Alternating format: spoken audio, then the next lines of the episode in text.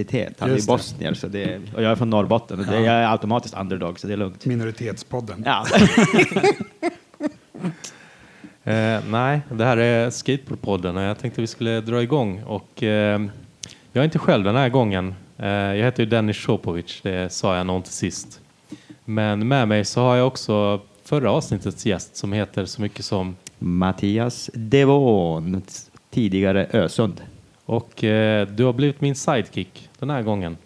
Ja, en Eh. stor ära. Det ska bli kul att kasta sig in i poddvärlden. Ja.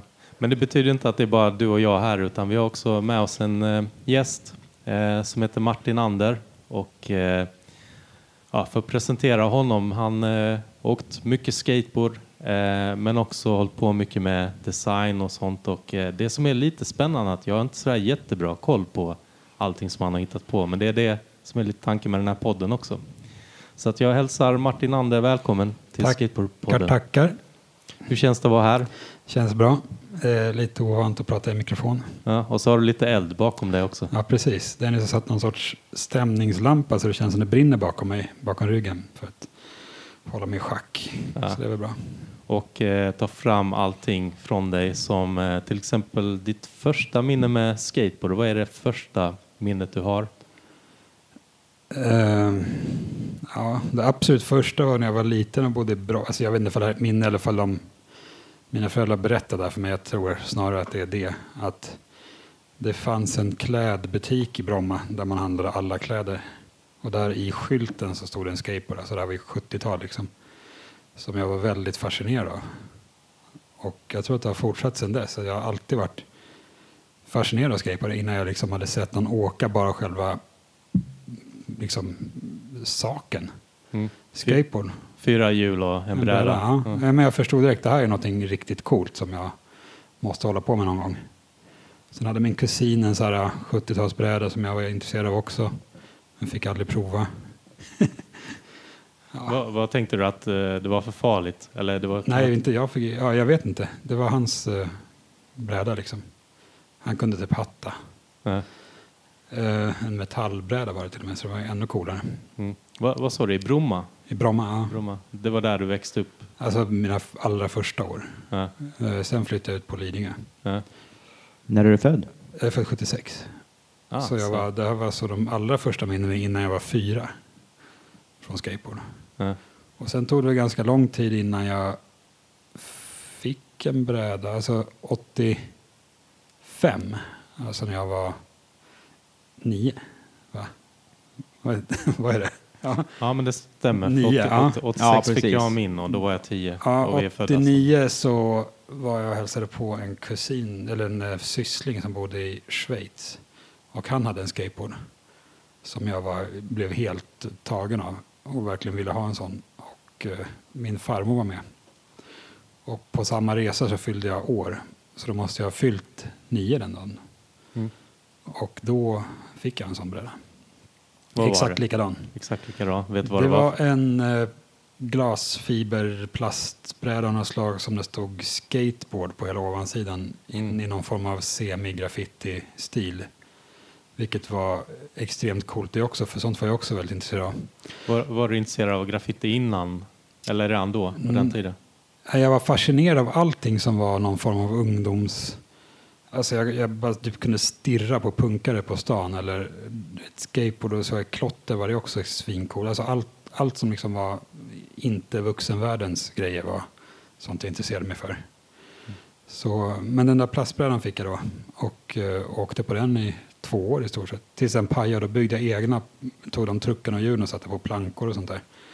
Låter som jag är född på 70, 60-talet. och sen så eh, 87 så var vi på en semesterresa i USA. Och då hade den här vågen kommit, första, eller den första skateboardvågen i vår generation. Liksom. Ja. Så då var jag helt bestämd att när vi är i USA så ska jag köpa en skateboard. Liksom. Va, var någonstans i USA? Vi var i Santa Monica då och Ja. kollade i telefonkatalogen efter en skateboardaffär och hittade en som heter Rip City Skate Shop som är en riktig sån Venice Originals butik. Ja. I telefonkatalogen. ja. Man hör- Man hör ju att det inte är, att det inte är igår. Nej, och den finns fortfarande kvar den butiken faktiskt. Men där gick vi in och så och där eh, på något sätt hamnade mitt, där upptäckte jag mitt andra stora intresse när jag kom in och såg alla brädorna på den väggen. Mm. Alltså graphics. För det är den här brädan, eller vad säger jag, butiken som har otroligt mycket brädor idag. Jag vet inte om du har varit där på senare tid. Nej, jag har aldrig, aldrig varit där. Jag följer dem på Instagram däremot för Ja. no- nostalgiska skäl. Jag tror när man, när man går in där så ser man alla brädor i taket. Och, Ja, just det. Det hade de då också, brädor i taket. Men det var alla de här bilderna, då var det ju liksom... Alltså tänker 87 var ju de brädorna som hängde uppe var ju liksom alla liksom Powell originalproffsmodellerna liksom. Mm. Alltså, och alla Santa Cruz-brädorna som också var liksom... Och Dogtown hade de ju jättemycket. Och det fanns ju inte riktigt lika många märken som, som idag. Det Nej, liksom, precis. De som fanns fanns. Och de Ja. var väl ga- ganska långvariga, alla modeller också. Ja, ja precis. Och, eh, så det var ju i stort sett den treenigheten av skateboard graphics. Jag såg liksom Jim Phillips, V.C. Johnson och Wes Hampsons grafiker på samma gång första gången. Och då jag har jag varit helt såld på det. och vilken bräda blev det? Jag kom hem med en Santa Cruz Rob Roscop 3 tror jag att den heter. Det är alltså ettan är en måltavla, tvåan är en måltavla med en sorts hand som kommer ut ur måltavlan. Och trean är en måltavla med ett halvt monster slash robot som kommer ut ur måltavlan. Mm. Och den var jag kom hem med, med ett par Thunder-truckar och ett par Hosoi Rockets hjul. Men då var det för eh, grafiken skulle valde brädan? Absolut. Ro- Rob Roscoe var inte den eh, bästa Nej, skatern. det var bara grafiken. Ja. Men brorsan kom hem med en, eh, en Dogtown, en generisk Dogtown-bräda som heter Dogtown Web. Mm.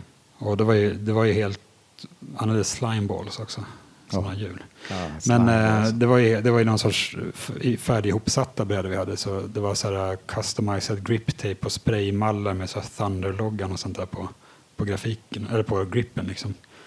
Så de var ju extremt coola när vi kom hem och visade upp dem. Jag vet inte om vi fick riktig klarhet med eh, om det var skateboard eller graffiti som du fastnade för först. Det första var nog skateboard. Det var skateboard först? Ja. ja. Och, ja, men jag kan komma till det. Att samma år eh, så köpt, var jag på eh, konstmässan med farsan. Och då köpte vi en bok som heter eh, Subway Art av Martha Cooper på i museishoppen där. Eller heter mässshoppen. Och det var min introduktion till graffiti. Så det, det är en sån legendarisk graffitibok som många börjar måla graffiti efter att ha sett den boken. Då. Så man kan säga att 1987 är ett viktigt år i min utveckling. För alla oss tror jag. Vi är mer, mer eller mindre samma årgång. Ja. slutet av 80-talet. Det hände grejer. Precis, Nej, men jag känner igen. Jag, jag har ju också varit väldigt fascinerad av graffiti. Dock kom jag aldrig igång med något målande, men jag vet att det fanns klistermärken som man köpte med tuggummi. Just det. Eh, men det var inte det som... Ja, De det var- också. De också. De kommer ihåg. De samlade ju på. Så. De är danska. Av ett målningar gjorda av några som heter Wap Gang som fortfarande håller på faktiskt. Mm. Några av dem. Ja. Det enda jag minns är att det fanns någon tag, do, DOZ, D-O-Z. Det är Mm. Ja. det enda jag minns.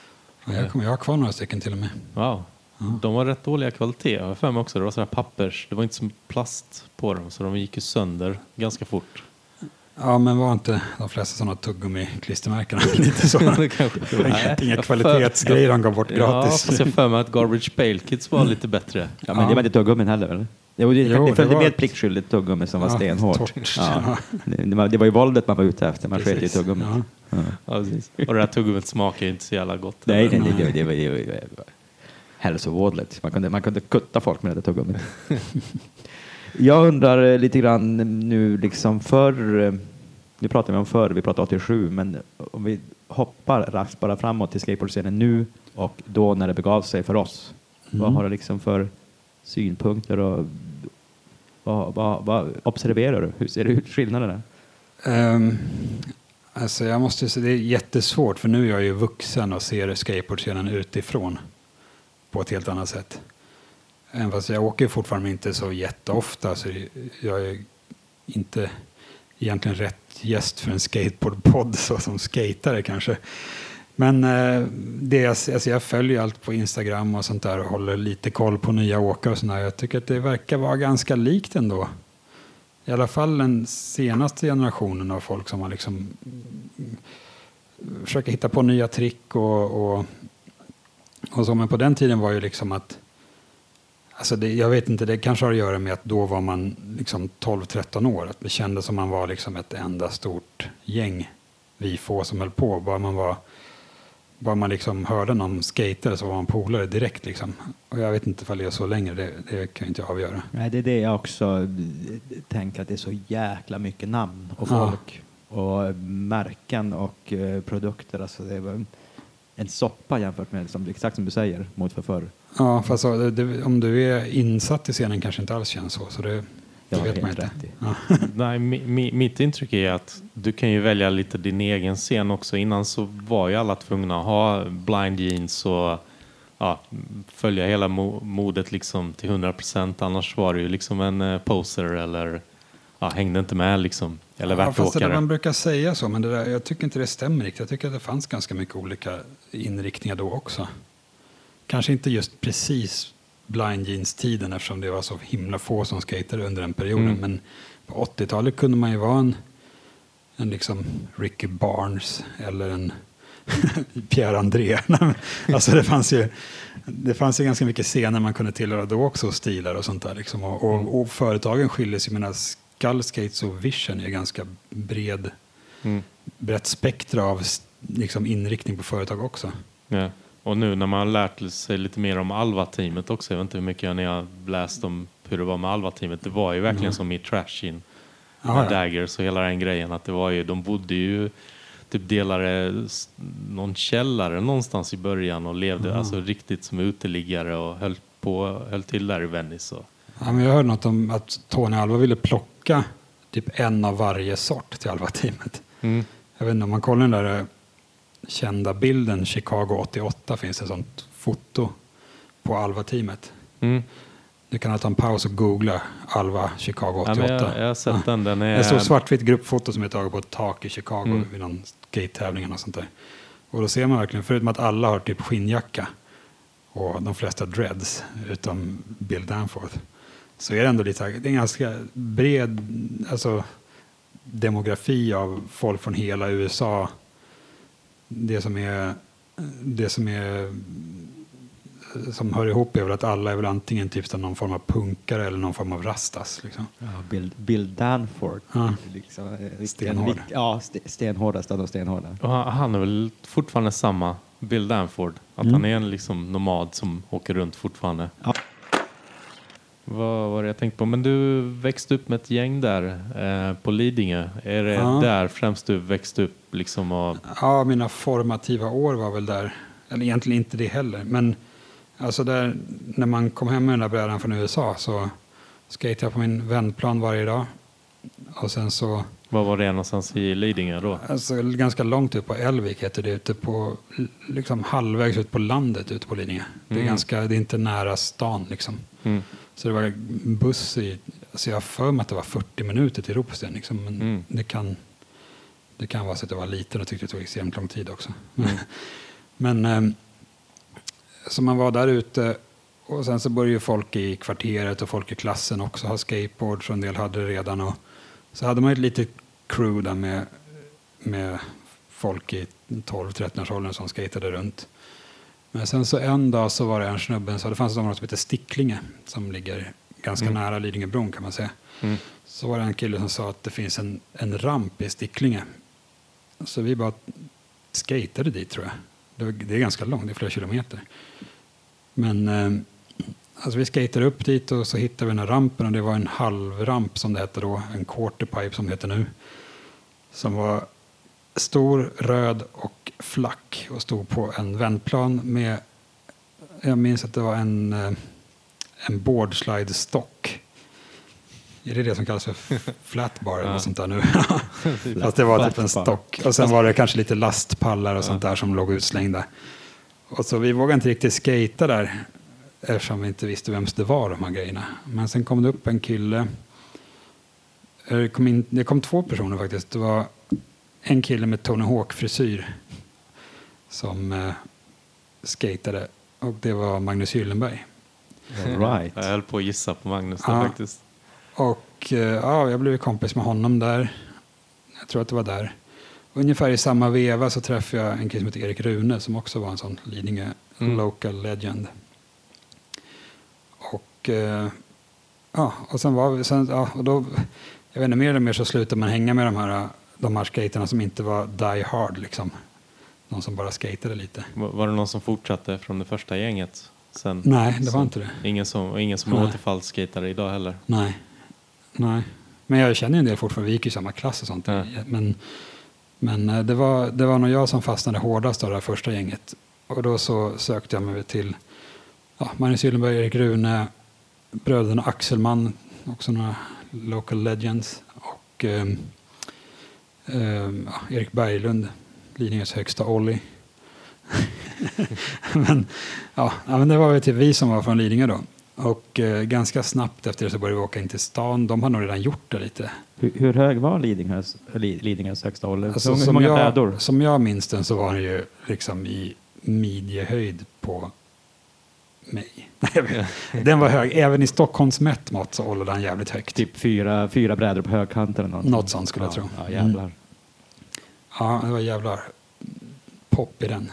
Sån 80-talspop. som låter riktigt mycket. Men ehm, ehm, när vi började åka in till stan och då så blev liksom, man åkte in till Street Style och skateboardaffären som låg på Olofsgatan, två kvarter från där vi sitter nu. Och där träffade man ju hela liksom alla andra skater i stort sett. Men jag tror att vi åkte oftast in bara till, i början då åkte vi till Tessinparken på Östermalm fanns det en litet hörn där de hade en, lite skategrejer, lite så plywood och lastpallspark liksom.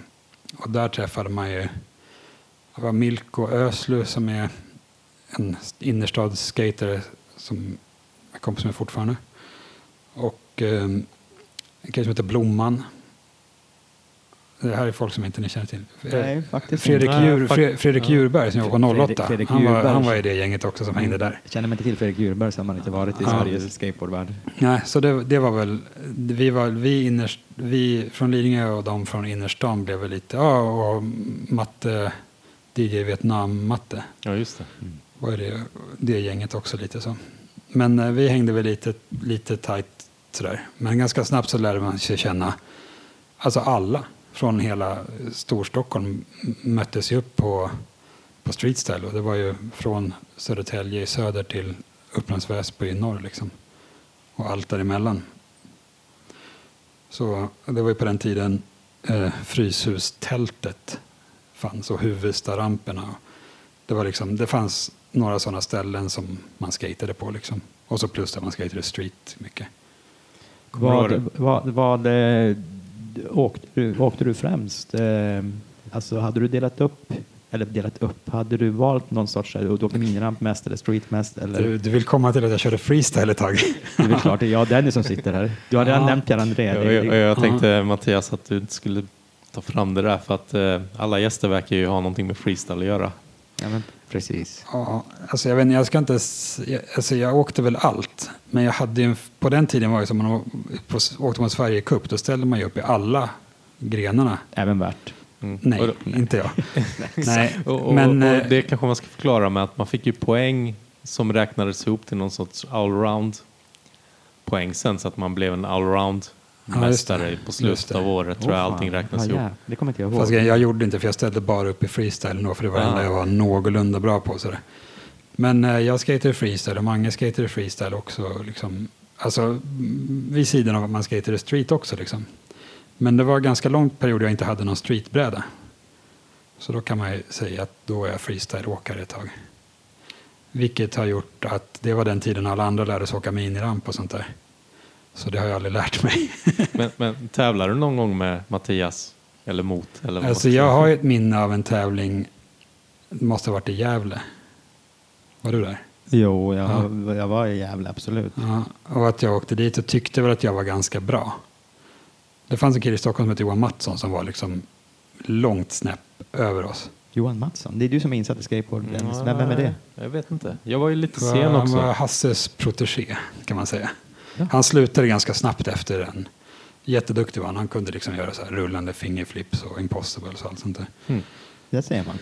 Mm. Ja, men eh, eh, han var ju duktig och så Pontus Karlsson var ju duktig också.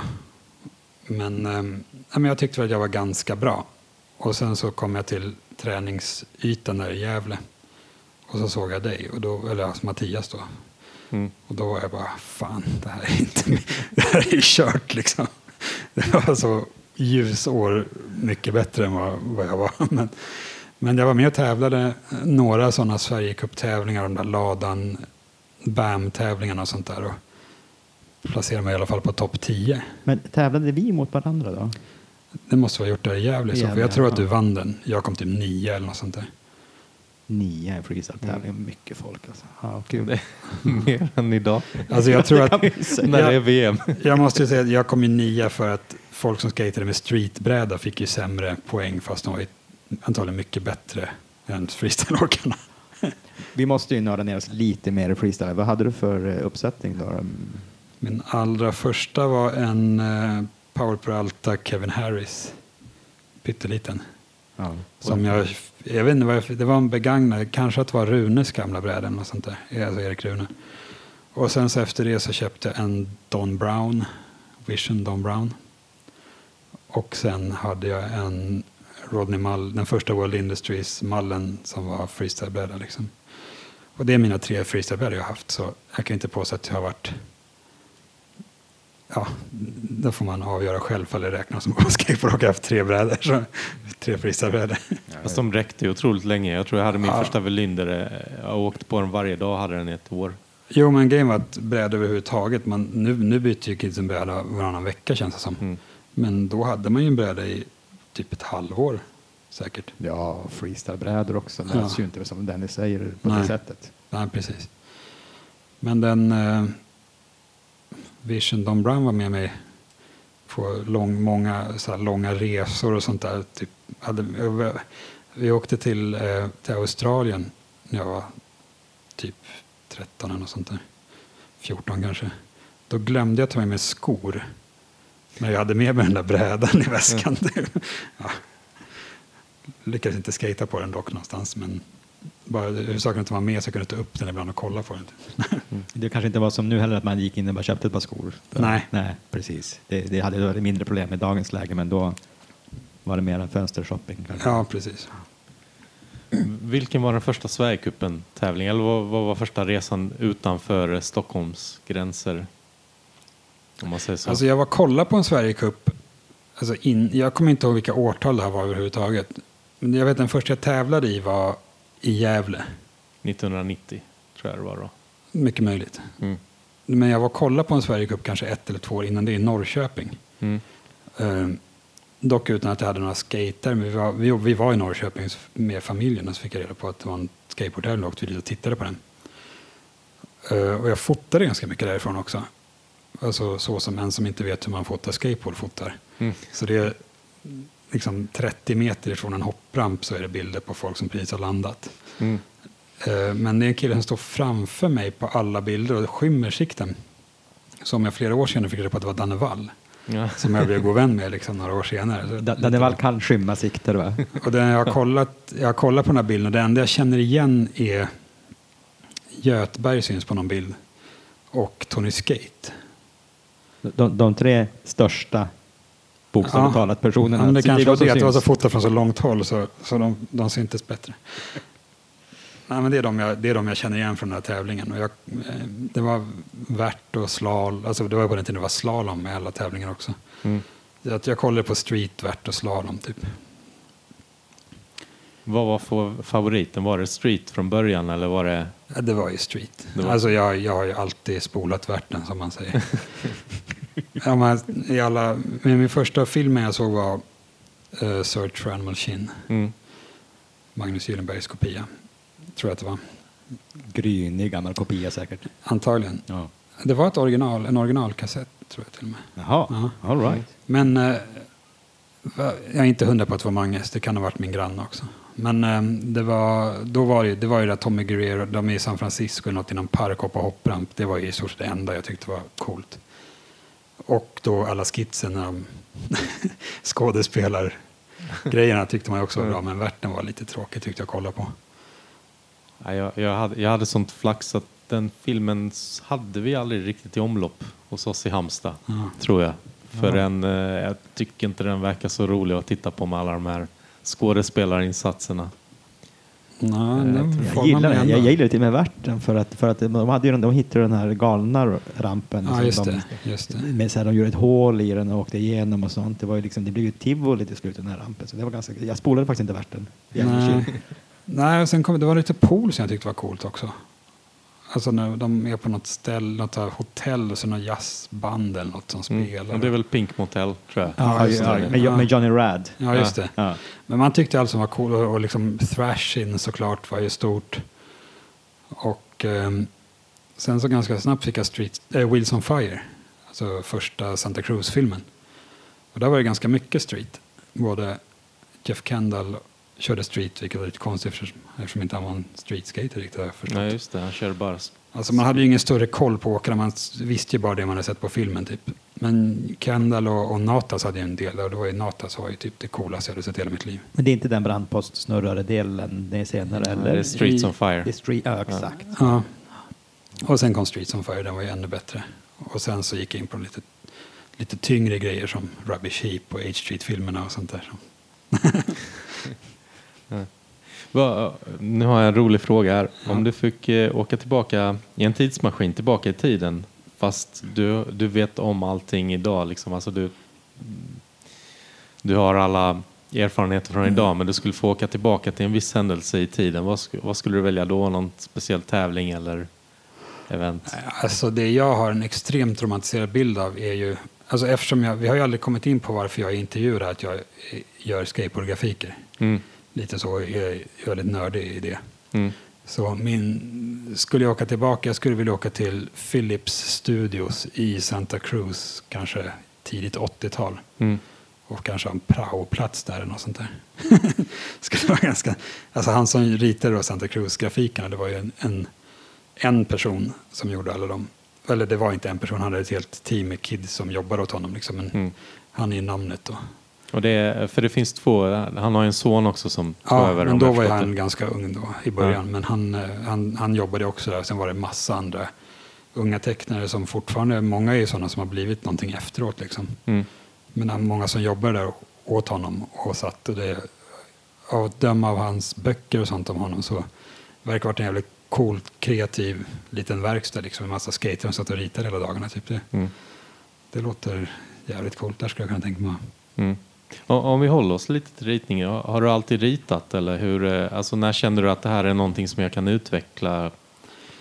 Eh, jag skulle säga att jag alltid har ett känt så. Alltså att jag det är det enda jag har tänkt att jag ska göra. Liksom. Mm. Jag har aldrig haft någon annan plan. Men har, du från första början klarat av att rita liksom fina streck och fina teckningar? hur, hur? Nej, alltså det är som allting annat man får öva. Mm. Alltså man kan ha en, en läggning åt det hållet. Att man, det handlar ju snarare om att man ska ha fantasi. Teknik kan man alltid öva upp liksom. Och, Mm. och stil och sånt där kan också öva upp. Och man gör det till många gånger hittar man en stil. Liksom. Men, men det är snarare som att man ska ha en fantasi och komma på vad man ska rita. Liksom. Mm. Det skadar ju inte med talang heller. Ja, Men jag, tror, jag vet inte om det finns något som heter talang. Alltså, jag har ritat hela mitt liv, därför är jag bra på att rita. Mm. Hade jag åkt skateboard istället så hade jag kanske blivit bättre på att åka skateboard. Det, det är så här Mattias, när man har talang för något så förstår man inte det själv. Nej, det är uppenbarligen verkar så. Jag, Okej. alla, alla har väl ritat i hela sin barndom. Och vissa fastnar på huvudfotningar och vissa gör Håkan Hellström Ja. po- posters. Ja, precis. Ja, men om man kollar på Facebook, de, de ritningar du gör Mattias och de du gör Martin, det är, lite Ja, skillnad. ja, okej. Nej, men sen hade jag min farsa tecknade och sånt också, så jag såg ju hur han jobbade och lite, alltså Mm. man hade lite inspiration. Plus att vi, jag växte hem, upp i ett hem med ganska mycket, min mamma jobbade på förlag och farsan Mm. tecknade och var på rekla, i reklambranschen. Liksom, så man såg ju, jag såg ju mycket grejer hela tiden, mycket serietidningar och allt sånt där. Och, så det, Kreativ miljö med andra ord. Ja, det kan man säga. Jag hade tillgång till allt material man behövde. Så, här, så schyssta Mm. ritgrejer, inte bara kriter. Liksom. Så du kunde se liksom genom din farsa, men man kan bli bra. För jag tror att när man är i skolan och börjar rita så får man ju lite dåligt självförtroende att det blir ju inte så snyggt. Man, man har någon bild av att det ska vara lätt och så börjar man där i skolan och rita och det, det ser ju hemskt ut. Ja, men det är för det första en dålig miljö att rita i tycker jag. Ja. Och för det andra så har, de alltså har man inte tillgång till schysst material. Alltså visst, det, alltså jag kommer ihåg i skolan var så här, ah, nu ska ni, på bildlektionen så fick man så här vaxkritor och något skruttigt papper liksom. Mm. Eller så här supervattniga vattenfärger. Ja, alltså det var liksom, hade man fått några schyssta ritpennor istället hade det säkert blivit mycket roligare. Visst hade du femma i bild? Ja. Ja, det är klart. Du ritade bättre än läraren kanske till och med. Det vet jag inte. Jag har alltid varit väldigt eh, imponerad av mina bildlärare för att de kan, kunde så mycket. Mm.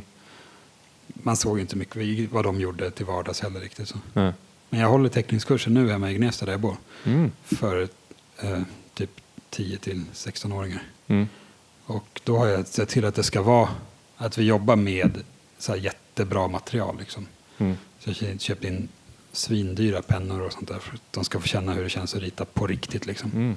Men är det någonting som du gör ideellt eller som du tar? Nej, jag får det till en konsthall så jag får, får betalt av dem. Okej, Mm. vad fint. Ja, det är kul. Vad, vad var det första du började teckna? Var det skateboard eller var det seriefigurer Alltså- eller graffiti? Eller var det allt? Nå, först var det några seriefigurer sånt som min farsa ritade. Han ritade karikatyrteckningar och sådär försökte man sig Mm. på.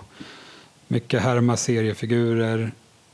Mycket någon sorts, innan jag visste vad graffiti var gjorde man ändå så ganska cool så här texter. För jag var lite fascinerad av de här Ono, vad det heter, de där rutorna i serien där det står en text bara så här, typ Ja. Sånt där. De, jag tyckte de var coola liksom. Onomatopoetiska. Just det, så heter det. Sånt tyckte man var coolt. Uh, ritade mycket så här uh, händelseförlopp. Alltså någon sorts uh, föregångare till informationsgrafik.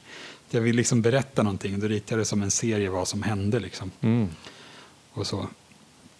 Men det första jag liksom... Ja, jag, vet, jag började ganska snabbt märka att jag är bra på att rita. Så då fick jag rita på folks grip tapes och, och folks ryggsäckar och, och sådana där saker. Och så gjorde jag också ett skate-fanzine, jag och Magnus Gyllenberg. Som först gjorde en tidning som hette Pappersmassan. Som man, Just det. jag, Gyllenberg, Rune och Berglund gjorde en, en eh, litet A4-fanzine som vi kopierade på min pappas kopiator. Eh, som var, där ritade jag lite i.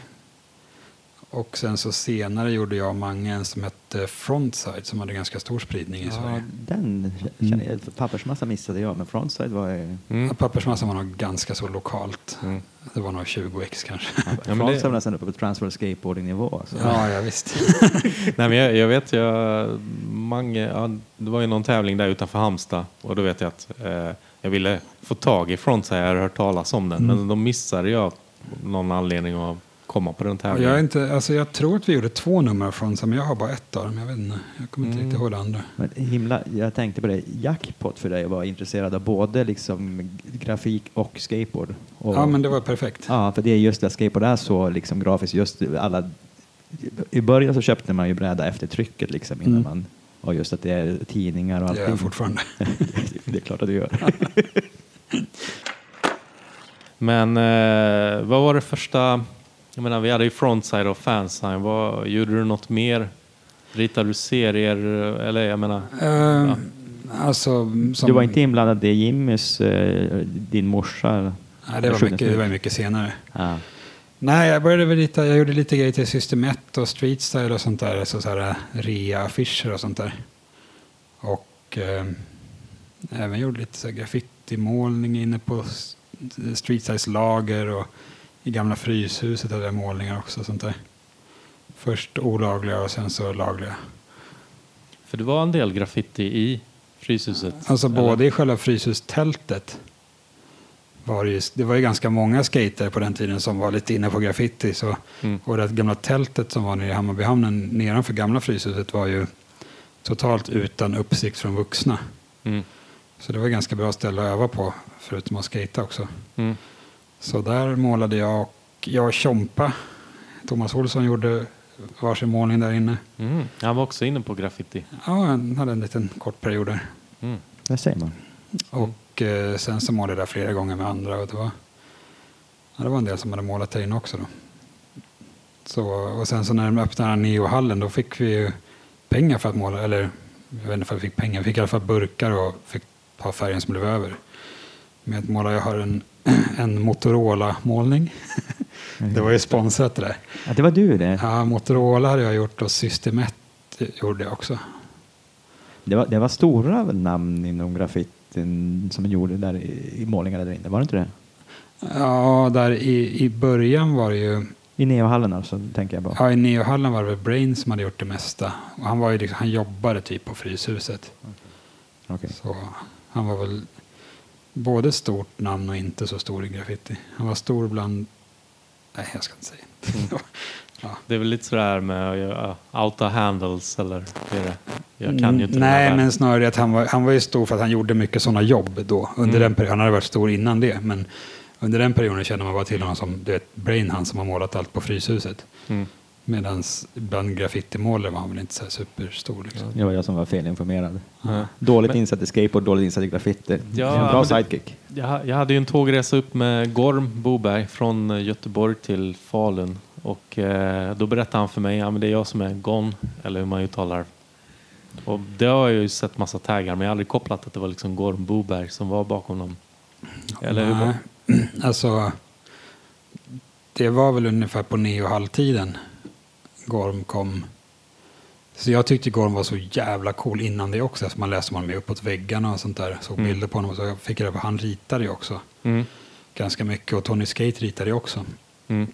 Och då tyckte man, eftersom de var lite, de var ju redan coolast, de coolaste skaterna tyckte man när man var yngre liksom. Mm. Och sen fick jag reda på att de ritade, då var man ännu mer intresserad av det. Och sen så när Gorm kom hem från USA någon gång var graffitimålare också. Mm. Det var ju typ, då slog min coolhetsbarometer över liksom. Gjorde inte Gorm New Deal? Han jobbade åt New Deal. Ja, gjorde Och så. Gjorde flera grafiker Ja. Han gjorde väl Globe, nej vänta, inte Globe, vad heter det? Mad andra? Circle. Du- Duffs, eller? Jaha, det vet jag inte. Jag vet att han gjorde Mad Circle-loggan gjorde han och Mad Circle gjorde han jättemycket Nej, grafik. Åt. E- Etnis är det jag tänker på. Etnis Jaha, loggan det, gjorde det han. visste inte jag. Eh, någon av dem i alla fall. Och han Ja, gjorde väl 411 också. Ja, det visste jag inte heller. Jag Men han har gjort den, den... Nu blev det mörkt här inne. Ja, men det är bara att... Tur att vi har din eldlampa. ja, eh, grejen är att det är han... Eh, mitt, eller Gorms claim to fame i min eh, värld är att han gjorde grafiken på den där New Deal Siamese däck. Ja, just ja. Everslick va? Ja, en dubbelkickad bräda med en Mm. siamesiska coola tvillingar på. Så han gjorde väl också någon av Hasses grafiker. tror jag. Ja, han har gjort otroligt mycket om jag förstått det Mm. rätt. Jag hade ju en tågresa upp med honom så han berättade ju rätt mycket. Jag tror han gjorde väl 100, han har väl 100 brädor eller någonting från den eh, USA-tiden tror jag Ja, det kan jag tänka mig.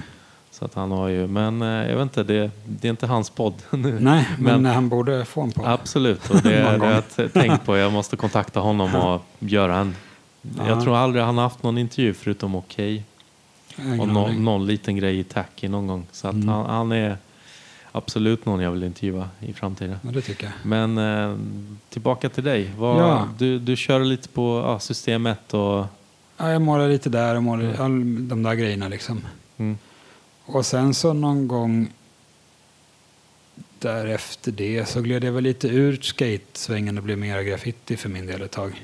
mm, Så jag skatade ju fortfarande så, men det blev ja, inte riktigt lika mycket som förut kanske. mm. Eh, ja, jag vet inte vad jag ska säga, ni får komma med en fråga. Ja, nej men... Eh, Eller Dennis, har du en fråga? Eh, ja, jag tänker på, mm, vad var ditt första... Du, du måste ju ha gått från gymnasiet till, och, eller gick du någon högre utbildning och sen började jobba? Hur? Eh, nej, jag gick estetisk linje som det hette på våran tid Mm. på gymnasiet. Och eh, sen så efter det så, så hängde jag runt i några år. Du vet som man gjorde på, Mm. På 90-talet. Det var inte så mycket man måste börja jobba eller på högskola direkt. Det var lite lättare då när inte fas 3 fanns. Ja, man liksom tog något komvuxår som man inte gick på. Och liksom, ja, sådana där saker. Och, så jag hängde väl runt där och målade. och Började, alltså jag var mycket, både redan i gymnasiet var jag mycket ute på klubbar och sånt där i Stockholm. Mm. Och, och eh, lärde mig känna massa folk där och genom graffiti-svängen Mm. också. Då, så, Klubbar alltså som hiphopklubbar? ja, eller? ungefär Ja. så. Lite allt möjligt. Men ja, det var punkgrejer och hiphopgrejer. Alltså, all subkultur var Mm. jag fascinerad av. Liksom. Så lärde mig känna massa folk där. Så jag började väl där någon gång i slutet på gymnasiet och göra ganska mycket så flyers och affischer och sånt där till klubbar. Mm. Alltså det var ju inte direkt, man fick gratis inträde och någon öl liksom. Så. Mm. Men, eh, och sen så har det bara utvecklats sen dess. Liksom att, eh, sen fick man mer betalt och större jobb. Och, och sen så helt plötsligt så, så, jobbade jag med det. Så är du här och gör omslag bland annat till Kairos One. Du har också gjort eh, Håkan Hellströms turnéaffisch, heter det så? Ja, precis. Ja, den, den var ju över hela stan. Det gick ju inte att titta någonstans utan att se. Det var över hela Sverige till Ja, ja givetvis, över hela Sverige. Och- och inte- Men i, i, i, ja. i min och Dennis värld så smäller ju Kairos One högre. Ja, Det kan jag tänka mig. Det är ju kanske flippgrafiken också. Ja, i min värld smäller ju Carries One högre också. Kan jag Ja, berätta lite grann. Du, du, gjorde alltså, du gjorde affischen till Kairos Ones, vad var det? Det var Sverige-turné, eh, Norden-turné. Norden-turné. Ja, och du gjorde även omslaget till hans skiva som inte jag vet om den släpptes fysiskt. Men... Den släpptes tyvärr inte fysiskt vad jag vet. Jag har i sett en bild på en CD men jag vet inte om den är bränd eller inte. Be- berätta hur allting gick till. Vi är idel öra. Um, nu ska vi tänka. Det var en som heter Lövet i Göteborg som är arrangör. Som tog hit Carries One på en sån. Alltså han var ju på Europaturné liksom och så bokade Lövet de här skandinaviska datumen. Och så och frågade om jag ville göra, en affisch, jag göra den affischen. Och det tyckte jag var extremt fett så det gjorde jag ju självklart. Fast det var, du vet, det skulle vara klar imorgon i stort sett liksom. Så jag satt upp en natt och gjorde den och KRS-One tyckte om den. Och sen så några veckor senare så hörde han av sig och frågade, eller hans fru, hans management som också är hans fru, hörde av sig och frågade för jag ville göra hans skivomslag till nya skivan som skulle komma. Och och Kairos One, till den som äventyrs inte vet vem det är, alltså en eh, legendarisk rappare från Bronx som vi alla har lyssnat på sedan barnsben. Precis. Ja, så då gjorde jag eh, omslaget. Alltså det var också sådär, ja, kan vi ha den klart imorgon? Som det alltid är med hiphopartister, att de inte har någon direkt framförhållning med någonting. Och så jag gjorde den och sen så fick jag rita om den några gånger. Och sen så gick den iväg. Men hade du direkt kontakt med honom eller? Nej, Då? Jag hade bara kontakt med hans fru. Ja. Men det var hans synpunkter? Eller var det hans fru Det var som- hans synpunkter. Ja. Ja. Eller både och. Hon också. Men du har inte fått träffa honom personligen?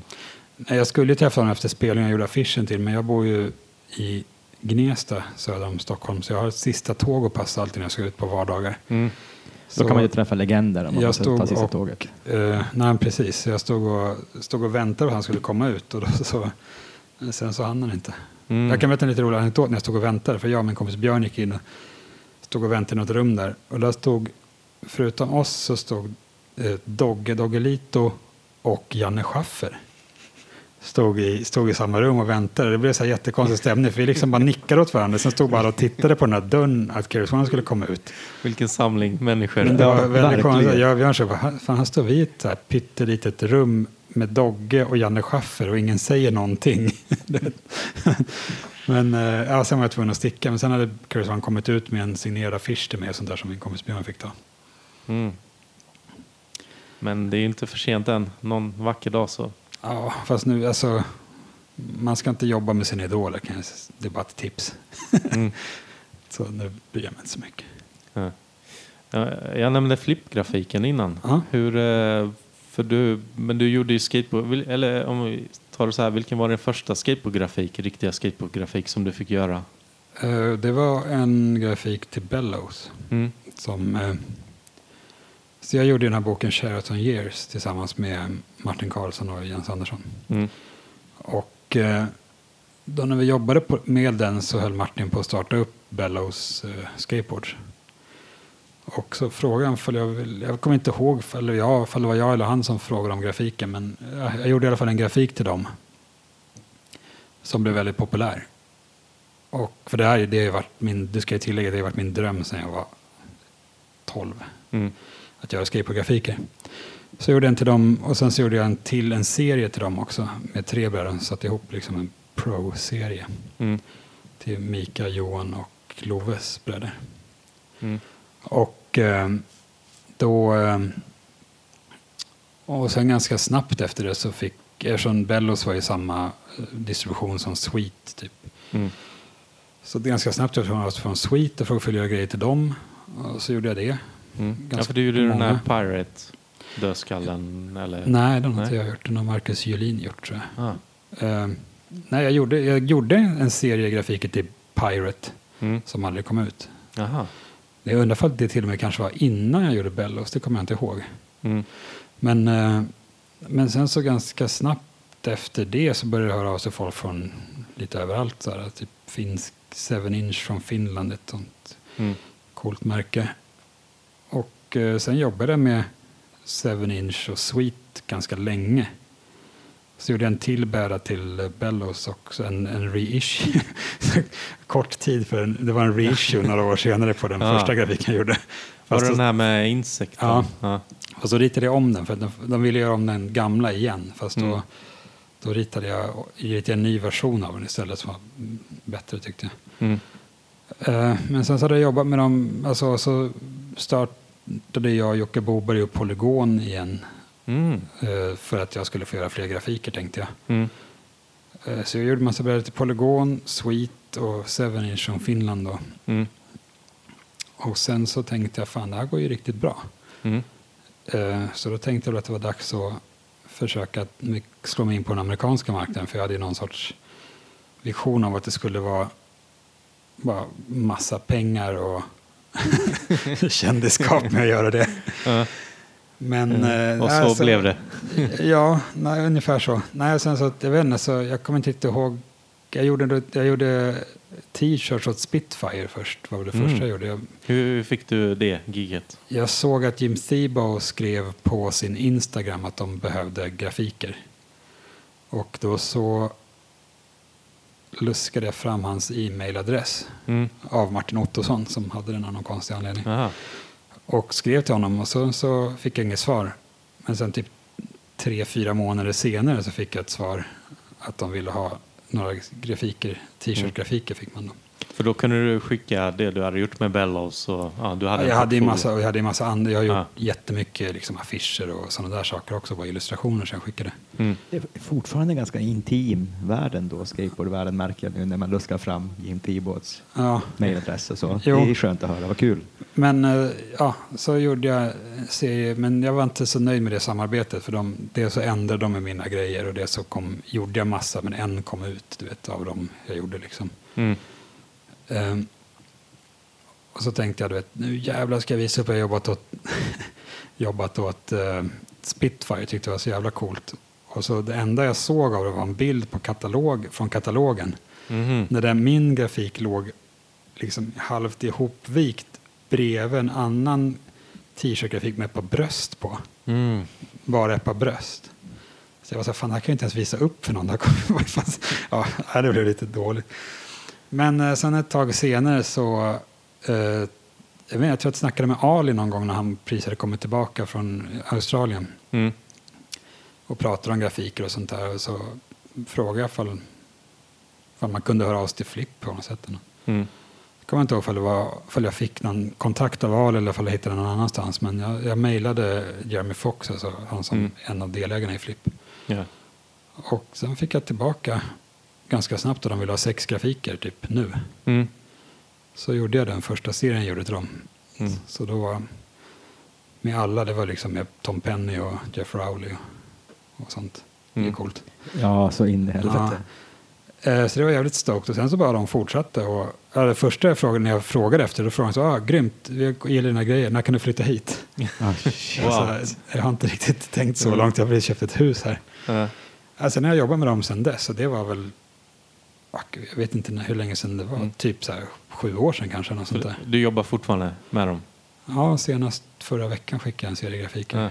Men det är inte riktigt lika mycket längre och ja, vi, vi får se hur det Hur, blir. hur mycket tid lägger du på en brädgrafik ungefär? Det beror på vad det är för något. På sistone har, har, har jag försökt inte lägga så mycket tid, för det är verkligen inte så glamoröst och bra betalt som jag trodde att det skulle vara. Och vad är inte så mycket tid? Kanske, alltså det är jättesvårt att säga, för det är ofta ganska mycket korrektörer, så jag får rita om saker. Men jag skickar en skiss och sen så säger jag, först ska vi komma på, det jobbar med att göra så serier, man ska göra sex brädor, så har ett stort team också. Så att man ska göra sex brädor som ska ha någon sorts genomgående tema liksom. Eh, och så ska alla de vara lika bra och ha lika bra idé. Eh, och de ska också koppla ihop med åkan på något sätt och, eh, och, och följa Flips riktlinjer för deras grejer ska se ut ungefär och inte vara för lik någon annan grafik. Mm. och inte vara för lik någon annan företagsstil. Så, så först så skissade jag lite på det, så när jag kommer på att allihopa, liksom, eller några, så börjar jag, så skissar jag upp det lite större, lite mer detaljerat och skickar och sen så gör jag ofta fel att jag börjar tuscha innan jag fått helt godkänt och sen får jag rita om allting. Så, men i stort sett, det kanske tar två dagar per grafik ungefär. Mm. Okej.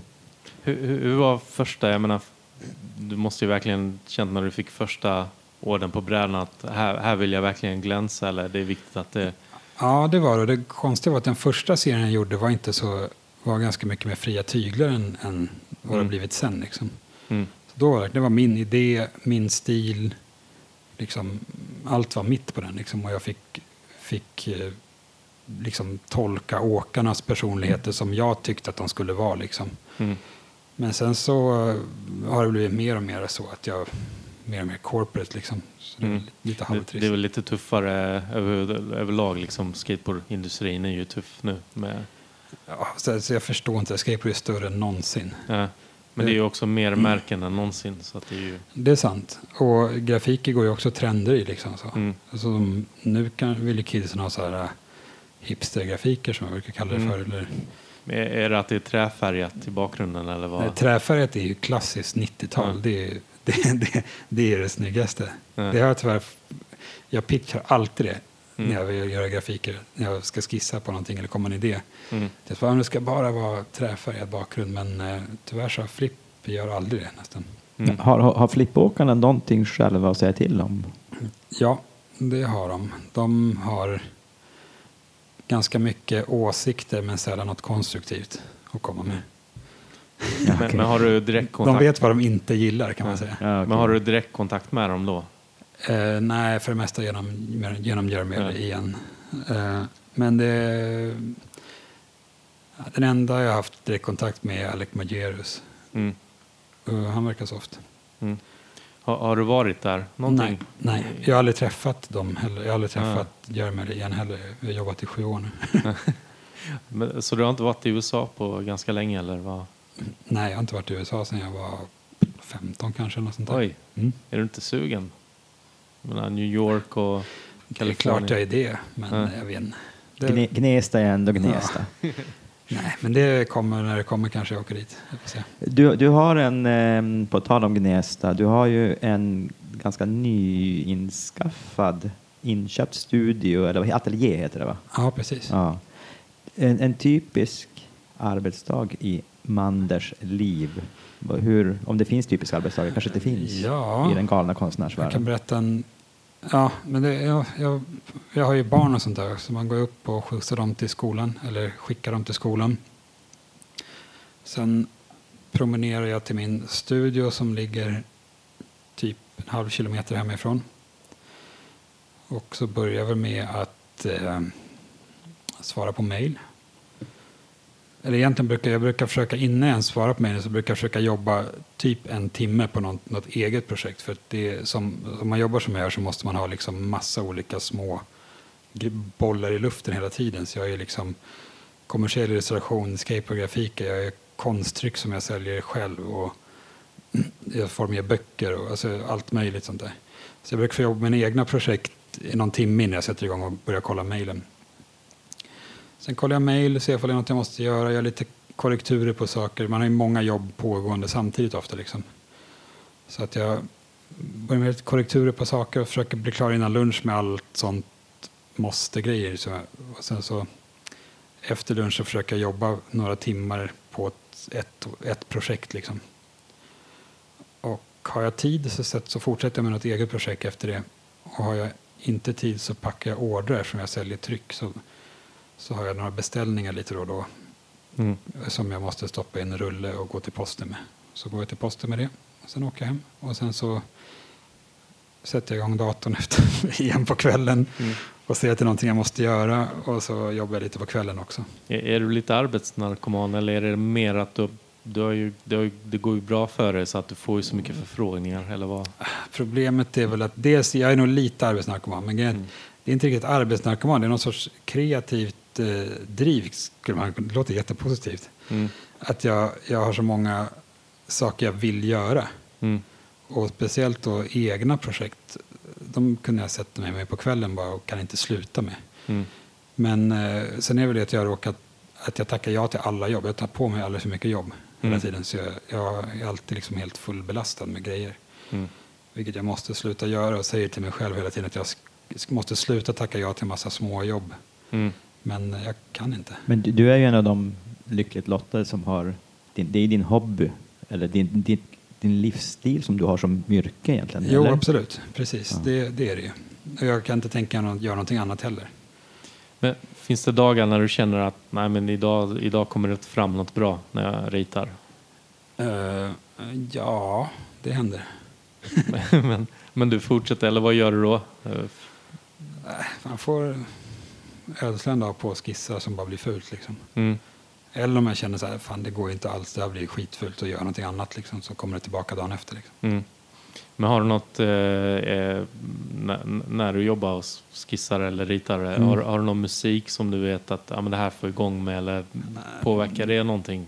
Ja, Inspirationskällor överhuvudtaget, inte bara musik. Nej, grejen är utan, att om jag har så här, jag känner jag har absolut ingen, ingen inspiration alls för att göra någonting.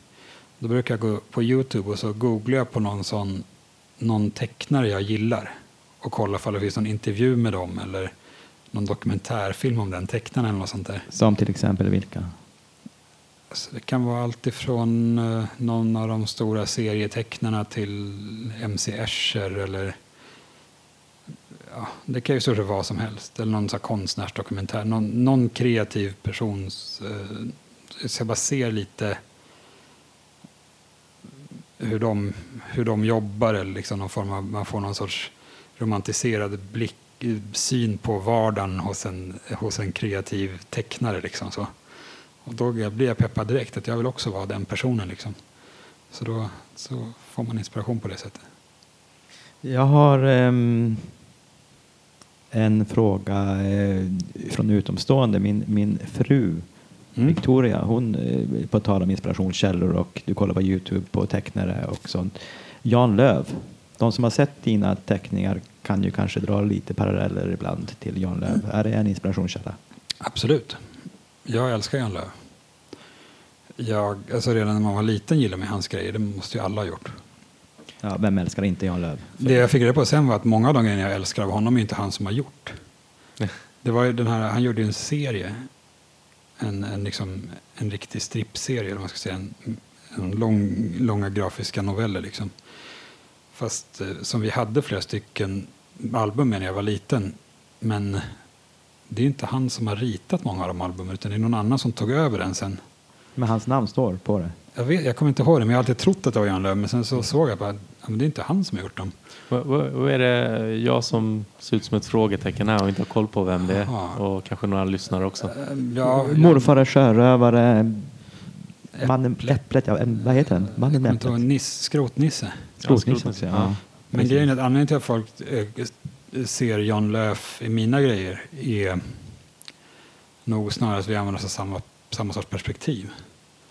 Ja, just det. Alltså det är både det. han och jag ritar i isometriskt perspektiv som det heter. Man inte har, det är tre, tredimensionellt men det är inget perspektiv. Alltså saker blir inte mindre längre bort. Liksom. Aha. Så man jobbar som med kulisser. Att man gör...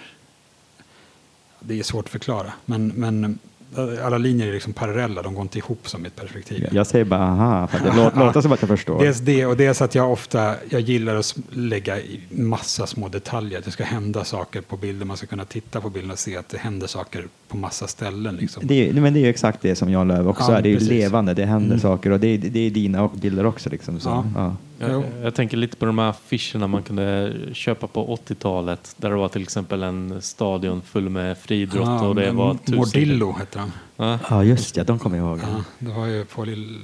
Godmorgon Sverige var ofta så här korta Mordillo-tecknade filmer. Samma tecknare som hade gjort. Okej. okej. Ja, men så, som satt så här på, på, tandläkarväggen typ. Ja, verkligen. Mm, mm, mm. Det bara sprutade detaljer. Ja. med Ja, nej, men sånt var jag väldigt fascinerad av när jag var liten också. Don Martin och de här Mad-tecknarna och sånt. Absolut. Det det kan, också. Ja, jag förstår Ja. nästan. Ja. Te- tecknar du någon serie själv? Alltså seriöst? Jag har tecknat serier. Jag hade varit, varit publicerad serietecknare till och med. Ah, vilka? Är det några I mer? Galago gjorde jag, har jag haft med grejer. Men, eh, men och jag har skrivit seriemanus. Mm. Men jag har någon sorts, mina, de jag gillar som tecknar serier, liksom, de är så fruktansvärt duktiga. Mm. Och jag har så extremt hög, eh, hög ambitioner när jag tänker serier. Så varje gång jag börjar göra någonting så tycker jag att det blir inte tillräckligt bra. Mm. Det måste bli, det måste bli perfekt för att jag ska släppa ifrån mig det. Liksom. Mm.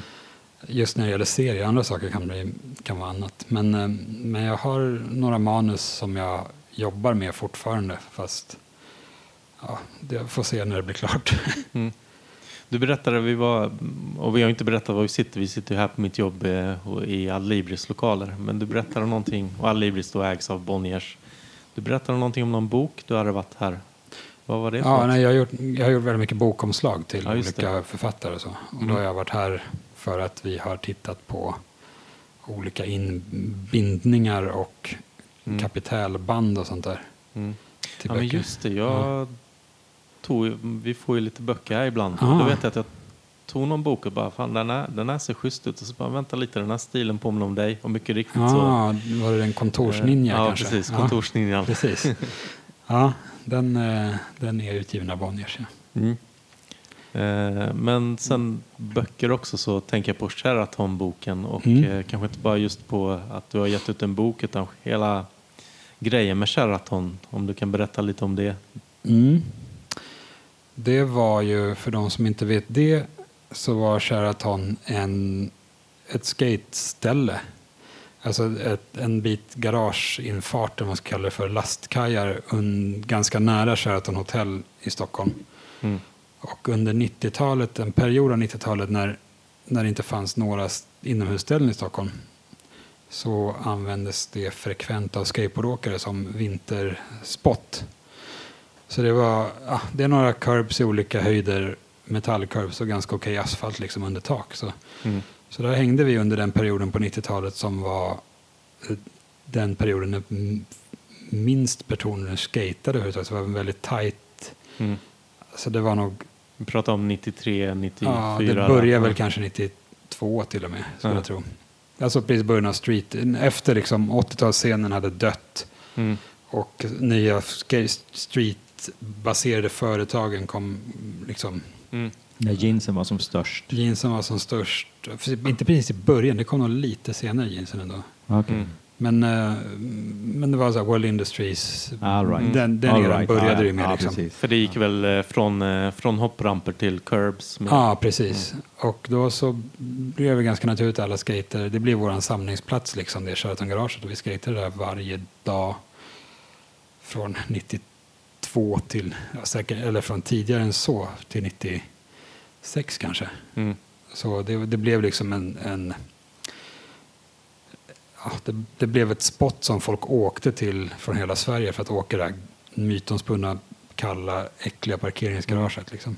För mig som aldrig varit där. Mm. Eh, det känns som en rätt hård och tuff miljö med mycket hårdingar som kom ut från det. Ehm, ja, det är väl så med ungdomar. Att särskilt vi som var väl alla någon form av sådana som kanske inte riktigt passade in i vår skolmiljö. Mm. Och så alla hade ju sina bagage också. Det var ganska mycket sånt på, på 90-talet liksom. Så att vi hamnade i en, i en dålig miljö utan någon vuxeninsyn överhuvudtaget.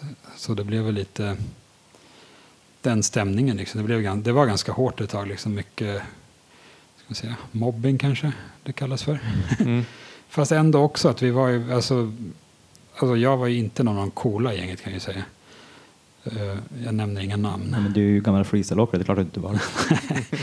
Nej, men det var, det var både positivt och negativt. Jag, när jag tänker tillbaka på det skulle jag säga mest positivt. Alltså, jag tänker på det om, om, om eh, vad heter han, Larry Clark som gjorde Kids. Om Mm. han hade varit svensk så inte, han, han, hade inte, han hade inte hatat att vara i Sheraton-garaget runt om åren. Nej, nej, han hade Nej. nog trivts där. Ja, precis. precis. Och det är kanske lite därför du gjorde boken också, för att skildra det just. Ja, ja, boken var väl någon form av terapi för vi som var där. Liksom. Känns det som.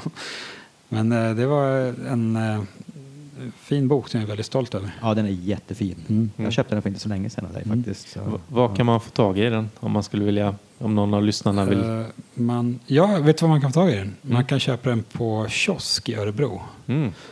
Skateboardaffären Kiosk. För de Ja. beställde just ett gäng ex, fick jag höra rykten om. Oh, fan. Ja, annars kan man höra oss till mig, för jag har massa hemma. Mm. Har du någon, bara för att hålla sig kvar lite grann till vid Sheraton, någon anekdot som, utan att hänga ut namn och sånt? Det det måste ju ha hänt. Men det var ju liksom, det var Alltså, det skateboardåkare, det, finns var folk som horor har och knarkare. sovit där. Ja. Alltså skaters som har sovit över. Det finns någon, några skaters som, som spenderar nyårsafton i Sheraton-garaget. Liksom. Glamoröst. Jag kommer mest ihåg att man var, så här, man var alltid snuvig. För man, hade, det var ju, man var ju för cool. Eftersom man skater ville man ju se ut som de gjorde på Embarcadero. Liksom, så man hade ju bara... I San Francisco, det var varmare än i Sheraton. Precis. Så man hade ju så här jeans, gympadojor och typ tio tröjor på sig istället för en jacka. Liksom. Så man blev svettig och sen så blev man iskall. Och så åt vi väl inte så jävla bra. Man åt så här yoghurt eller McDonalds typ. Så många som precis hade börjat snusa tror jag också för att det var spottloskor precis överallt också. Usch. Och så var det väl en blandning av de andra som hängde, de andra ljusskygga elementen som hängde där nere i det garaget. Det var ju liksom ja, prostitution och drogförsäljning och allting. Men, men efter vi hade liksom gjort det till vårat så blev det väl mera skate. Alltså det, vakterna och sånt hade vi aldrig problem med. För att kanske i början så var de sura på att man skejtade där, men sen så kom de på att om, om det var skater där så kom ju inte de här kriminella dit liksom. För en gång skulle det vara skateboardåkarna som höll ordning. Ja, så vi höll väl lite ordning där. Och sen man har ju hört rykten om att det har hänt att folk har bråkat med pundar och sånt där, men jag, jag har inte sett något sånt någon gång. Men annars så var det mest eh, grym skateboardåkning, för det, var, alltså, det fanns sådana fruktansvärda talanger i, i det gänget. Liksom. Så. Det, ja, ser man din bok så är det ju... ja, det, ska, jag säga, det är inte bara min bok, utan det är Martin Karlsson och Jens Anderssons Ja, bilder framförallt. som Give, är ju det. givetvis, givetvis. Jag har ju varit någon form av Givetvis. redaktör, men, Ja. men eh, Martin har skrivit några fantastiskt vackra texter om Sheraton som, Ja, är, verkligen. som är någon form av poetiskt... Eh, de är poetiska på något sätt. Han är för ordet och du är för bilden. Precis. Och Jens bilder är ju framförallt att han hade med sig en kamera på den tiden är ju Ja. lite bisarrt. Ja. Och fotade bilder som håller så hög kvalitet. Ja. Så det är väl, det är väl de, de två komponenterna. Mitt jobb har ju varit att hålla ihop det liksom och, Ja. och ehm, ja, varit någon form av projektledare och, eh, och formgivare. Då för det. Ja, ja nej, det, det är ett, ett nostalgiskt smörgåsbord över gamla talanger i, Verkligen. i Sveriges skateboardscen. Och lite sorgligt när man ser det nu. Ja, det är faktiskt lite vemodigt när jag, när jag bläddrar igenom den. Det är liksom, det är, ja, som du säger, sorgligt. Man ser många ansikten som inte ser lyckliga ut. Och vissa ansikten som man förmodligen kanske aldrig mer kommer att se heller. Precis. Men eh, nästa helg så kan man, tror jag det är något event där va? Andra Är december. det? Ja, jag tror det. Fråga inte mig. Jag, jag har ingen Eh. koll på vad som händer nu för tiden. Ja, det är väl egentligen ingen fråga utan jag vet att det, det är... Ehm, Men inte nästa helg när den här podden kommer ut. mm, nej, jag vet inte. Jo, kanske. I- ja. Andra december I Sheraton? 2017. Ja. Så att där kan man fortfarande åka. Okej, ja, man kan åka där fortfarande när som Jag vet det är många som skater där fortfarande. Ja, min kompis Alex var där och åkte häromdagen. Ja, jag höll på att få precis. dådtippen. Vad gör du på Sheraton? Och Affe de är där hela tiden. Ja, svinkallt. Och de är 40 år gamla men Vi hade Det ju, det, det bästa var ju Nicke Svenssons 40-årsfest måste det ha varit. var ju Sheraton Garage. Just ja, det såg jag. Då hade vi, han hade barbecue inne i garaget. och då kom, då kom en polispatrull vet, och bara, vad fan är det här för något? Liksom, jättemycket folk och en grill och flak med öl. Men de kom fram och frågade lite vad vi gjorde och vi bara förklarade. Det var ju, de här poliserna var ju tre när Sheraton var ett skateställe. Ja, Mm. shit. Så de hade ingen aning, så vi fick berätta vad det var för något. Och la då till att födelsedagsbarnet här är ju då chefredaktör för Sveriges skateboardtidning. och de, de bara sa, ja ja, eh, ta det lugnt då, ha en kul fest. Vad kul. Bra. Ja, men det är ju lite roligt idag för att när man stöter på poliser eh, idag så har ju många åkt skateboard eller åker skateboard till och med Mm. fortfarande. Eh, och då undrar kanske folk, när har Dennis Shoppard stött på polisen? Ja, det undrar Nej, jag men- också. Nej men det är mycket skateparker, mycket folk som eh, inte åker skateboard som inte förstår att det är bara skateboardåkning i Högdalen till exempel. ja, Så det har varit lite, ja, man har fått ta hit poliser. jaha, okej. Som tur är så har inte kickbike-åkarna växt upp och blivit poliser än. För Nej. då, då blir det svårt. Ja. Det är de, poli- de, de blir sådana poliser som åker sådana här segway. Ja, just det. Exakt, exakt. Hur, eh, jag tänkte ha några frågor kvar här. Har, Ja. har du någon hobby eller samlar på någonting som inte någon, många känner till? Ja, nej, inte direkt. Det- Jag är ganska öppen med mina hobbys. Ingen skulle bli superförvånad om du samlar på serietidningar. Det gör jag faktiskt inte. Jag samlar lite på gamla serietidningar, okej. alltså gamla 60-tals serietidningar. Men inte som att jag ser en serieaffär så går jag in i den. Men det är väldigt sällan jag kommer ut med någonting. Okej. Eh, jag samlar på tändsticksasketiketter från tidiga delen, från tidiga delen av 1900-talet. Nu lördag vi loss igen. Alltså bara av Nu kommer freestyle-generna. Bara att jag råkade hitta på en loppis en, sån, en liten påse med små etiketter som var så jävla snygga. Mm. Alltså så här extremt fin hantverksmässig design. Så jag, så, som kostade fem spänn, så jag köpte den och sen så la jag ut den på Instagram någon gång. Och då var det flera som hörde av sig. Bara, men jag har en hel samling med sådana här, jag kan skicka dem till dig ifall du vill. Så bara fick jag jättemånga, så en hel låda full. Så någon gång ska jag köpa ett frimärksalbum och gå all in nörd. Mm. Nej, annars så samlar jag lite på konst, alltså främst vänners konst då. Börjat köpa på mig lite saker. Inget dyrt eller något utan bara att byta konst med folk jag gillar. Från, alltså som, med, med sociala medier, som man lär sig känna folk som jobbar med ungefär samma saker som en själv, eller har samma bakgrund som en själv som är kreativa. Så brukar höra av mig om jag gillar folk som vill byta någonting och det brukar man ofta vilja göra. Så skickar man någon printen och får någonting tillbaka. Liksom. Mm. Lägger man i en låda. På tal om vänner och konstnärer. Jag har faktiskt en fråga av en eh, konstnärsvän till Mm. dig. Av eh, Daniel Diaz. Mm. Spanjor, Ume, Bon. Stor konstnär. Ja. Efter allting vad jag har förstått. Eh, som eh, hade en hiphop-relaterad fråga till dig. Det är ja, en luddig fråga, men det är Diaz. Det är hans fråga. Ja. Vad tycker du om mixtapes? Vad är din åsikt om mixtape-kulturen, mixtapes? Eh, först och främst, det var en väldigt konstig fråga av Daniel. Mm. Det kan jag hålla med om. Jag vet, ja. Ja, jag gillar väl det. det är väl bra. Jag, i och för sig, jag kan ju säga att jag har förr i tiden, på 90-talet, när jag inte hängde med skater, så alla jag hängde med var ju typ DJs. Så jag var runt i skivaffärer med dem hela dagarna. Och jag hatar skivaffärer. Alltså stå och vänta i en skivaffär för folk som ska gå igenom varenda skiva och Ja, provlyssna och allting. Svintråkigt. När det finns ett mixtape där du får allting ändå. Precis. Så eh, ofta så spelar de in mixtapes. Så de lyssnar jag på mycket. Då. Så, Jag, så, hade aldrig någon egen, jag har aldrig haft en egen riktig skivsamling. Jag har bara haft väldigt mycket kassetter med folk som spelat in de bästa låtarna. Och så speglas mitt musiklyssnande fortfarande. Att jag lyssnar bara på de topp tre låtarna på Spotify. Mm. jag tycker bara om hitsen. så, så Diaz, svaret på din fråga är alltså ja. Martin tycker om mixtapes. Svaret är bara ja. Ja. ja. Jag tänkte, ja, vi kanske ska runda av här. Det har varit jag vet inte, en timme, lite mer, lite mer än en timme. Mm. Men eh, om man nu känner sig sugen för att vara lite mer kreativ och vill börja med ritandet, vad, vad skulle du rekommendera då? Tycker man ska rita. Rita bara. Finns det några, Rita. finns det någon hjälp? Ska man gå en kurs eller ska man försöka skissa av redan befintliga ritningar eller vad? Nej, alltså det bästa är väl kolla upp vad du gillar för någonting.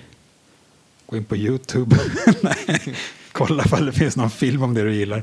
Alltså jag gillar väldigt mycket så teori inom konst. Liksom. Alltså jag älskar att är det någon, någon konstnär jag gillar då vill jag veta allting om dem. För att, då, för att förstå varför de gör det de gör liksom, och hur, hur de gör det. Så ja, man ska förkovra sig i det man gillar, tycker jag. Mm. Så förkovra er barn. Mm. Eh, och är det något mer du vill tillägga? Någonting vi inte har frågat dig om som du kanske vill berätta Uh, eller tillägga? jag vet inte. Nej. Nej, säkert, men jag kommer inte på någonting just nu. Mm. Jag tycker att det är konstigt att jag är med i en skateboardpodd. Vi har ju pratat, vi har ju pratat minst 30 procent om skateboard. Ja, ja, ja. Ungefär Ja. som förra avsnittet. Så. Jo, jag men jag som inte vad ska man säga, kommer någonstans inom skateboardutövandet riktigt. Nej, men skateboard är ju inte bara skateboardutövande. Det är så mycket runt omkring. Och skateboardgrafik tycker jag är otroligt viktigt för skateboard på något sätt. Det Ja. tycker jag också. Ja, precis. Alltså skateboard är ju Det skulle vara konstigt om du 30 inte var med i skateboardpodd. estetik. Exakt. Exakt. Och eh, kultur. Ex- Exakt. Så det är, det är, du är ju på Jag är här som kulturman. Ja, precis. Mm. Med stort K. Ja, ja, om du skulle välja bland dina topp tre grafiker någonsin, skateboardgrafiker, vad skulle du välja då? Skulle inte vi avrunda? Jo, Nej, jo men det här är avrundningen. Det här kan jag prata om hur länge som helst. Topp tre. Det är väldigt snävt. Topp fem. Topp fem. Alltså jag kan säga, jag kan säga topp fem, topp tre konstnärer. Kan jag, säga. Mm. Ja, men gör det. jag gillar såklart Jim Phillips som gjorde alla Santa Cruz-grafiker. Så Jim Phillips Studios, även då Kevin Marbug som har gjort några av de bästa av Jim Phillips-grafikerna. Sen gillar jag Neil Blender Mm. för att han är Neil Blender. Mm. Både som kulturpersonlighet och skateboardåkare och Ex- konstnär. säger jag. Excentriker ut i fingerspetsarna. Excentriker, precis. Ja. Och sen gillar jag, det, det kommer bli mer än tre, men jag gillar ju Sean Cliver, precis, alltså, Mm. som gjorde den senare delen av Powells produktion. Mm. Och efter det World Industries. Ja. Eh, och så gillar jag ju såklart Mark McKee som gjorde World Industries-grejerna. Mm. Och det gänget bakom New Deal, tycker, det här, de nämns sällan i skateboardgrafikrelaterade grejer. New Deal-grafikerna. Mm. Ja, de är bortglömda. De är lite bortglömda. Ja. Alltså Andy Howells grejer, Mm. eh, José Gomez, Gorm. eh, Det gänget liksom. Twist. Twist är ju känd konstnär nu. Han var en av dem i det gänget. Liksom. Ja, det är väl lite Andy Howell tycker jag nämndes mer kanske för några år sedan. På 90-talet var ju han Ja. stor liksom. Men sen så... Så mycket Det är första gången jag hör Andy Howell, tror jag, namnet sedan 90. jag, jag, har fått, jag har fått mail av honom en gång. All right. Ja. Men, eh, men eh, ja, så, så, så det finns det mycket nya konstnärer som håller på nu liksom, till mindre företag i USA. Mm. Liksom, och så. Inte bara i USA, men Mm. det är en kille som heter eh, Brian Romero som gör eh, mycket till Baker som jag tycker gör, gör det duktig. Mm. Eh, och sen så, ja, jag vet alltså jag kan gilla de här, jag tycker till och med Vision hade grymma grafiker. Jag gillar Mm. liksom allt. Mm. Jag tycker Blockhead, alltså Ron Camerons grejer till Blockhead tyckte jag var ascool också. De är ganska stora för mig. Mm. Kanske man kan dra paralleller också. Det som stack ut på, på den tiden, eller ja, som sagt jag och konst, men Dogtown hade ju väldigt annorlunda, om man jämför med, med Powell, Ja. med H-Street, med dem, de var ju väldigt, Ja, det, de, det är ingenting de, som tilltalar dig. Jo, absolut. Ja. Dogtown, alltså jag gillar ju... Alltså jag gillar samma konstnärer som Wes Hampton eh, snodde av. Wes Hampton som gjorde Dogtown. Ja, Dennis tittar på varandra. Han var ju väldigt ins- inspirerad av... Vi trodde han var originalet. Nej, men han är väldigt inspirerad av sån surfkonst från liksom Mm. 60 och tidigt 70-tal. Det finns en konst som heter Rick Griffin som är lite också, det är även Jim Phillips idol Mm. och även min idol. Mm. Så honom ska ni kolla in ifall ni Mm. vill hitta grunderna till allting. Mm. Och även sånt, jag kollar mycket sådana här, så så här ja, men många Santa Cruz-grafiker är ju stulna bilder Mm. som Jim Phillips har ritat om. Mm. Nästan alla av en 20-talskonstnär som heter Virgil Finlay. Mm. Så honom kan man kolla upp om man vill känna igen bilder Mm. fast i en annan teknik. Mm. Intressant. Det är ganska spännande att se att det var inte han som kom på Mm. typ Screaming Hand eller någonting sånt. Utan det var Mm. en 20-talsgubbe. Det var som Mm. fan. En pulp-illustratör på 20-talet. Liksom. Mm. Ja, men det är lite som hiphopen. Man upptäcker alla jazzartister och Ja, ja, precis. funklåtar Ja, som precis. de har tagit ifrån. Skrapar på ytan. Och och sen hittar- tror jag att jag inte har nämnt eh, V.C. Johnson alltså, som gjorde Powells gamla grafiker. Mm. Är Och ju- eh, fortfarande gör de eh, idag. Ja, ibland. Även eh, såg jag för inte alls länge sedan Lagwagons skivomslag. Oh, fan. Mm. Den där gröna man, om man kommer ihåg skatepunk från 90-talet. Lagwagon. Mm. Mm. Eh, ja, de, de bland annat. Och sen så tycker jag att det finns många i andra stilar, skateboardstilar som inte är så teckningsmässiga. Jag tycker inte att skateboardgrafik behöver vara teckning nödvändigtvis, även fast det är det jag gör själv. Mm. Så jag gillar liksom, ja, jag tycker liksom att allt är bra. Mm. Jag gillar skateboardgrafik helt enkelt, Mm. vad den är. Jag gillar inte fotografiker däremot. Mm. Förutom fucking awesomes på det tycker jag ser coola ut. Men Mm. här, när, någon, när de tar någon sån här skateboardproffs som har blivit någon form av fotograf. Ah, Så gör de ah. en serie bilder med, så här, eller en serie brädor med, med Mm. den personens bilder. Mm. brukar inte bli så bra. Alltså. Om vi tar eh, några svenska skateboardåkare som eh, också ritar och designar. Har du några, några du Eh. gillar där? Ja, det har jag. Alltså först och främst Gorm såklart. Mm. Legend. Eh, sen gillar jag ju... Ja, vad gillar jag mer? Alltså jag alla, jag kommer inte på några namn. Jag tänker Erik Olsson, Millencolin.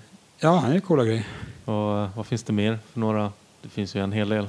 Alltså mycket den nya yngre generationen gör ju mycket. Mm. Så, det är i och för sig ganska mycket foto, där tar jag tillbaka det lite. Mm. Det är bara vissa... Nej, men det kan vara snyggt också liksom. Mm. Men, eh, för jag gillar till exempel så här Poetics brädor ser jävligt snygga ut. Mm. Men eh, där är ju foto ibland. Mm. Så jag får ta tillbaka det. Och sen har vi ju Pontus Alls märke där också. Ja, eh, Polo är alltid bra, bra grafiker måste jag säga. Mm. Jag tycker att det är synd att han som gjorde grafikerna från början, vad heter han nu igen? Mm. Kom, Jacke. Ja, just det. Ja. Han gör inte så mycket. Jag har nog inte sett någonting av på jättelänge. Det är lite trist för jag tyckte om hans grejer. Mm. Det var synd. Mm. Ehm, ja, sen så... Um, vet han, Andreas Glad. Mm. Svinbra konstnär och skatare. Mm. Och trevlig också. Och trevlig, supertrevlig. Honom är shout-out säger jag till honom. Mm. Ja, Och jag sa ju avrundning för en kvart sedan. Men, ja ja. då avrundar vi. ja, precis. Vill du tacka, hälsa till någon? Hej. Jag, vet inte, jag hälsar till alla jag känner säger jag. Ja. Ja, det, var, det tror jag Ja. det var många. Ja, man slipper glömma någon. Ja, men så, precis. Ja. Får man själv för det. Bara, du nämnde inte mig i podcasten. Mm. Precis. Ja. Ja, men då får jag tacka dig så mycket. Mm, tack sup- själva. Det super- var jättekul. Ja, supertrevligt att ha dig Tackar. här. Nu går vi och gör lite pogo. Ja, vi, vi gör det. Ja. Ja. och röker crack.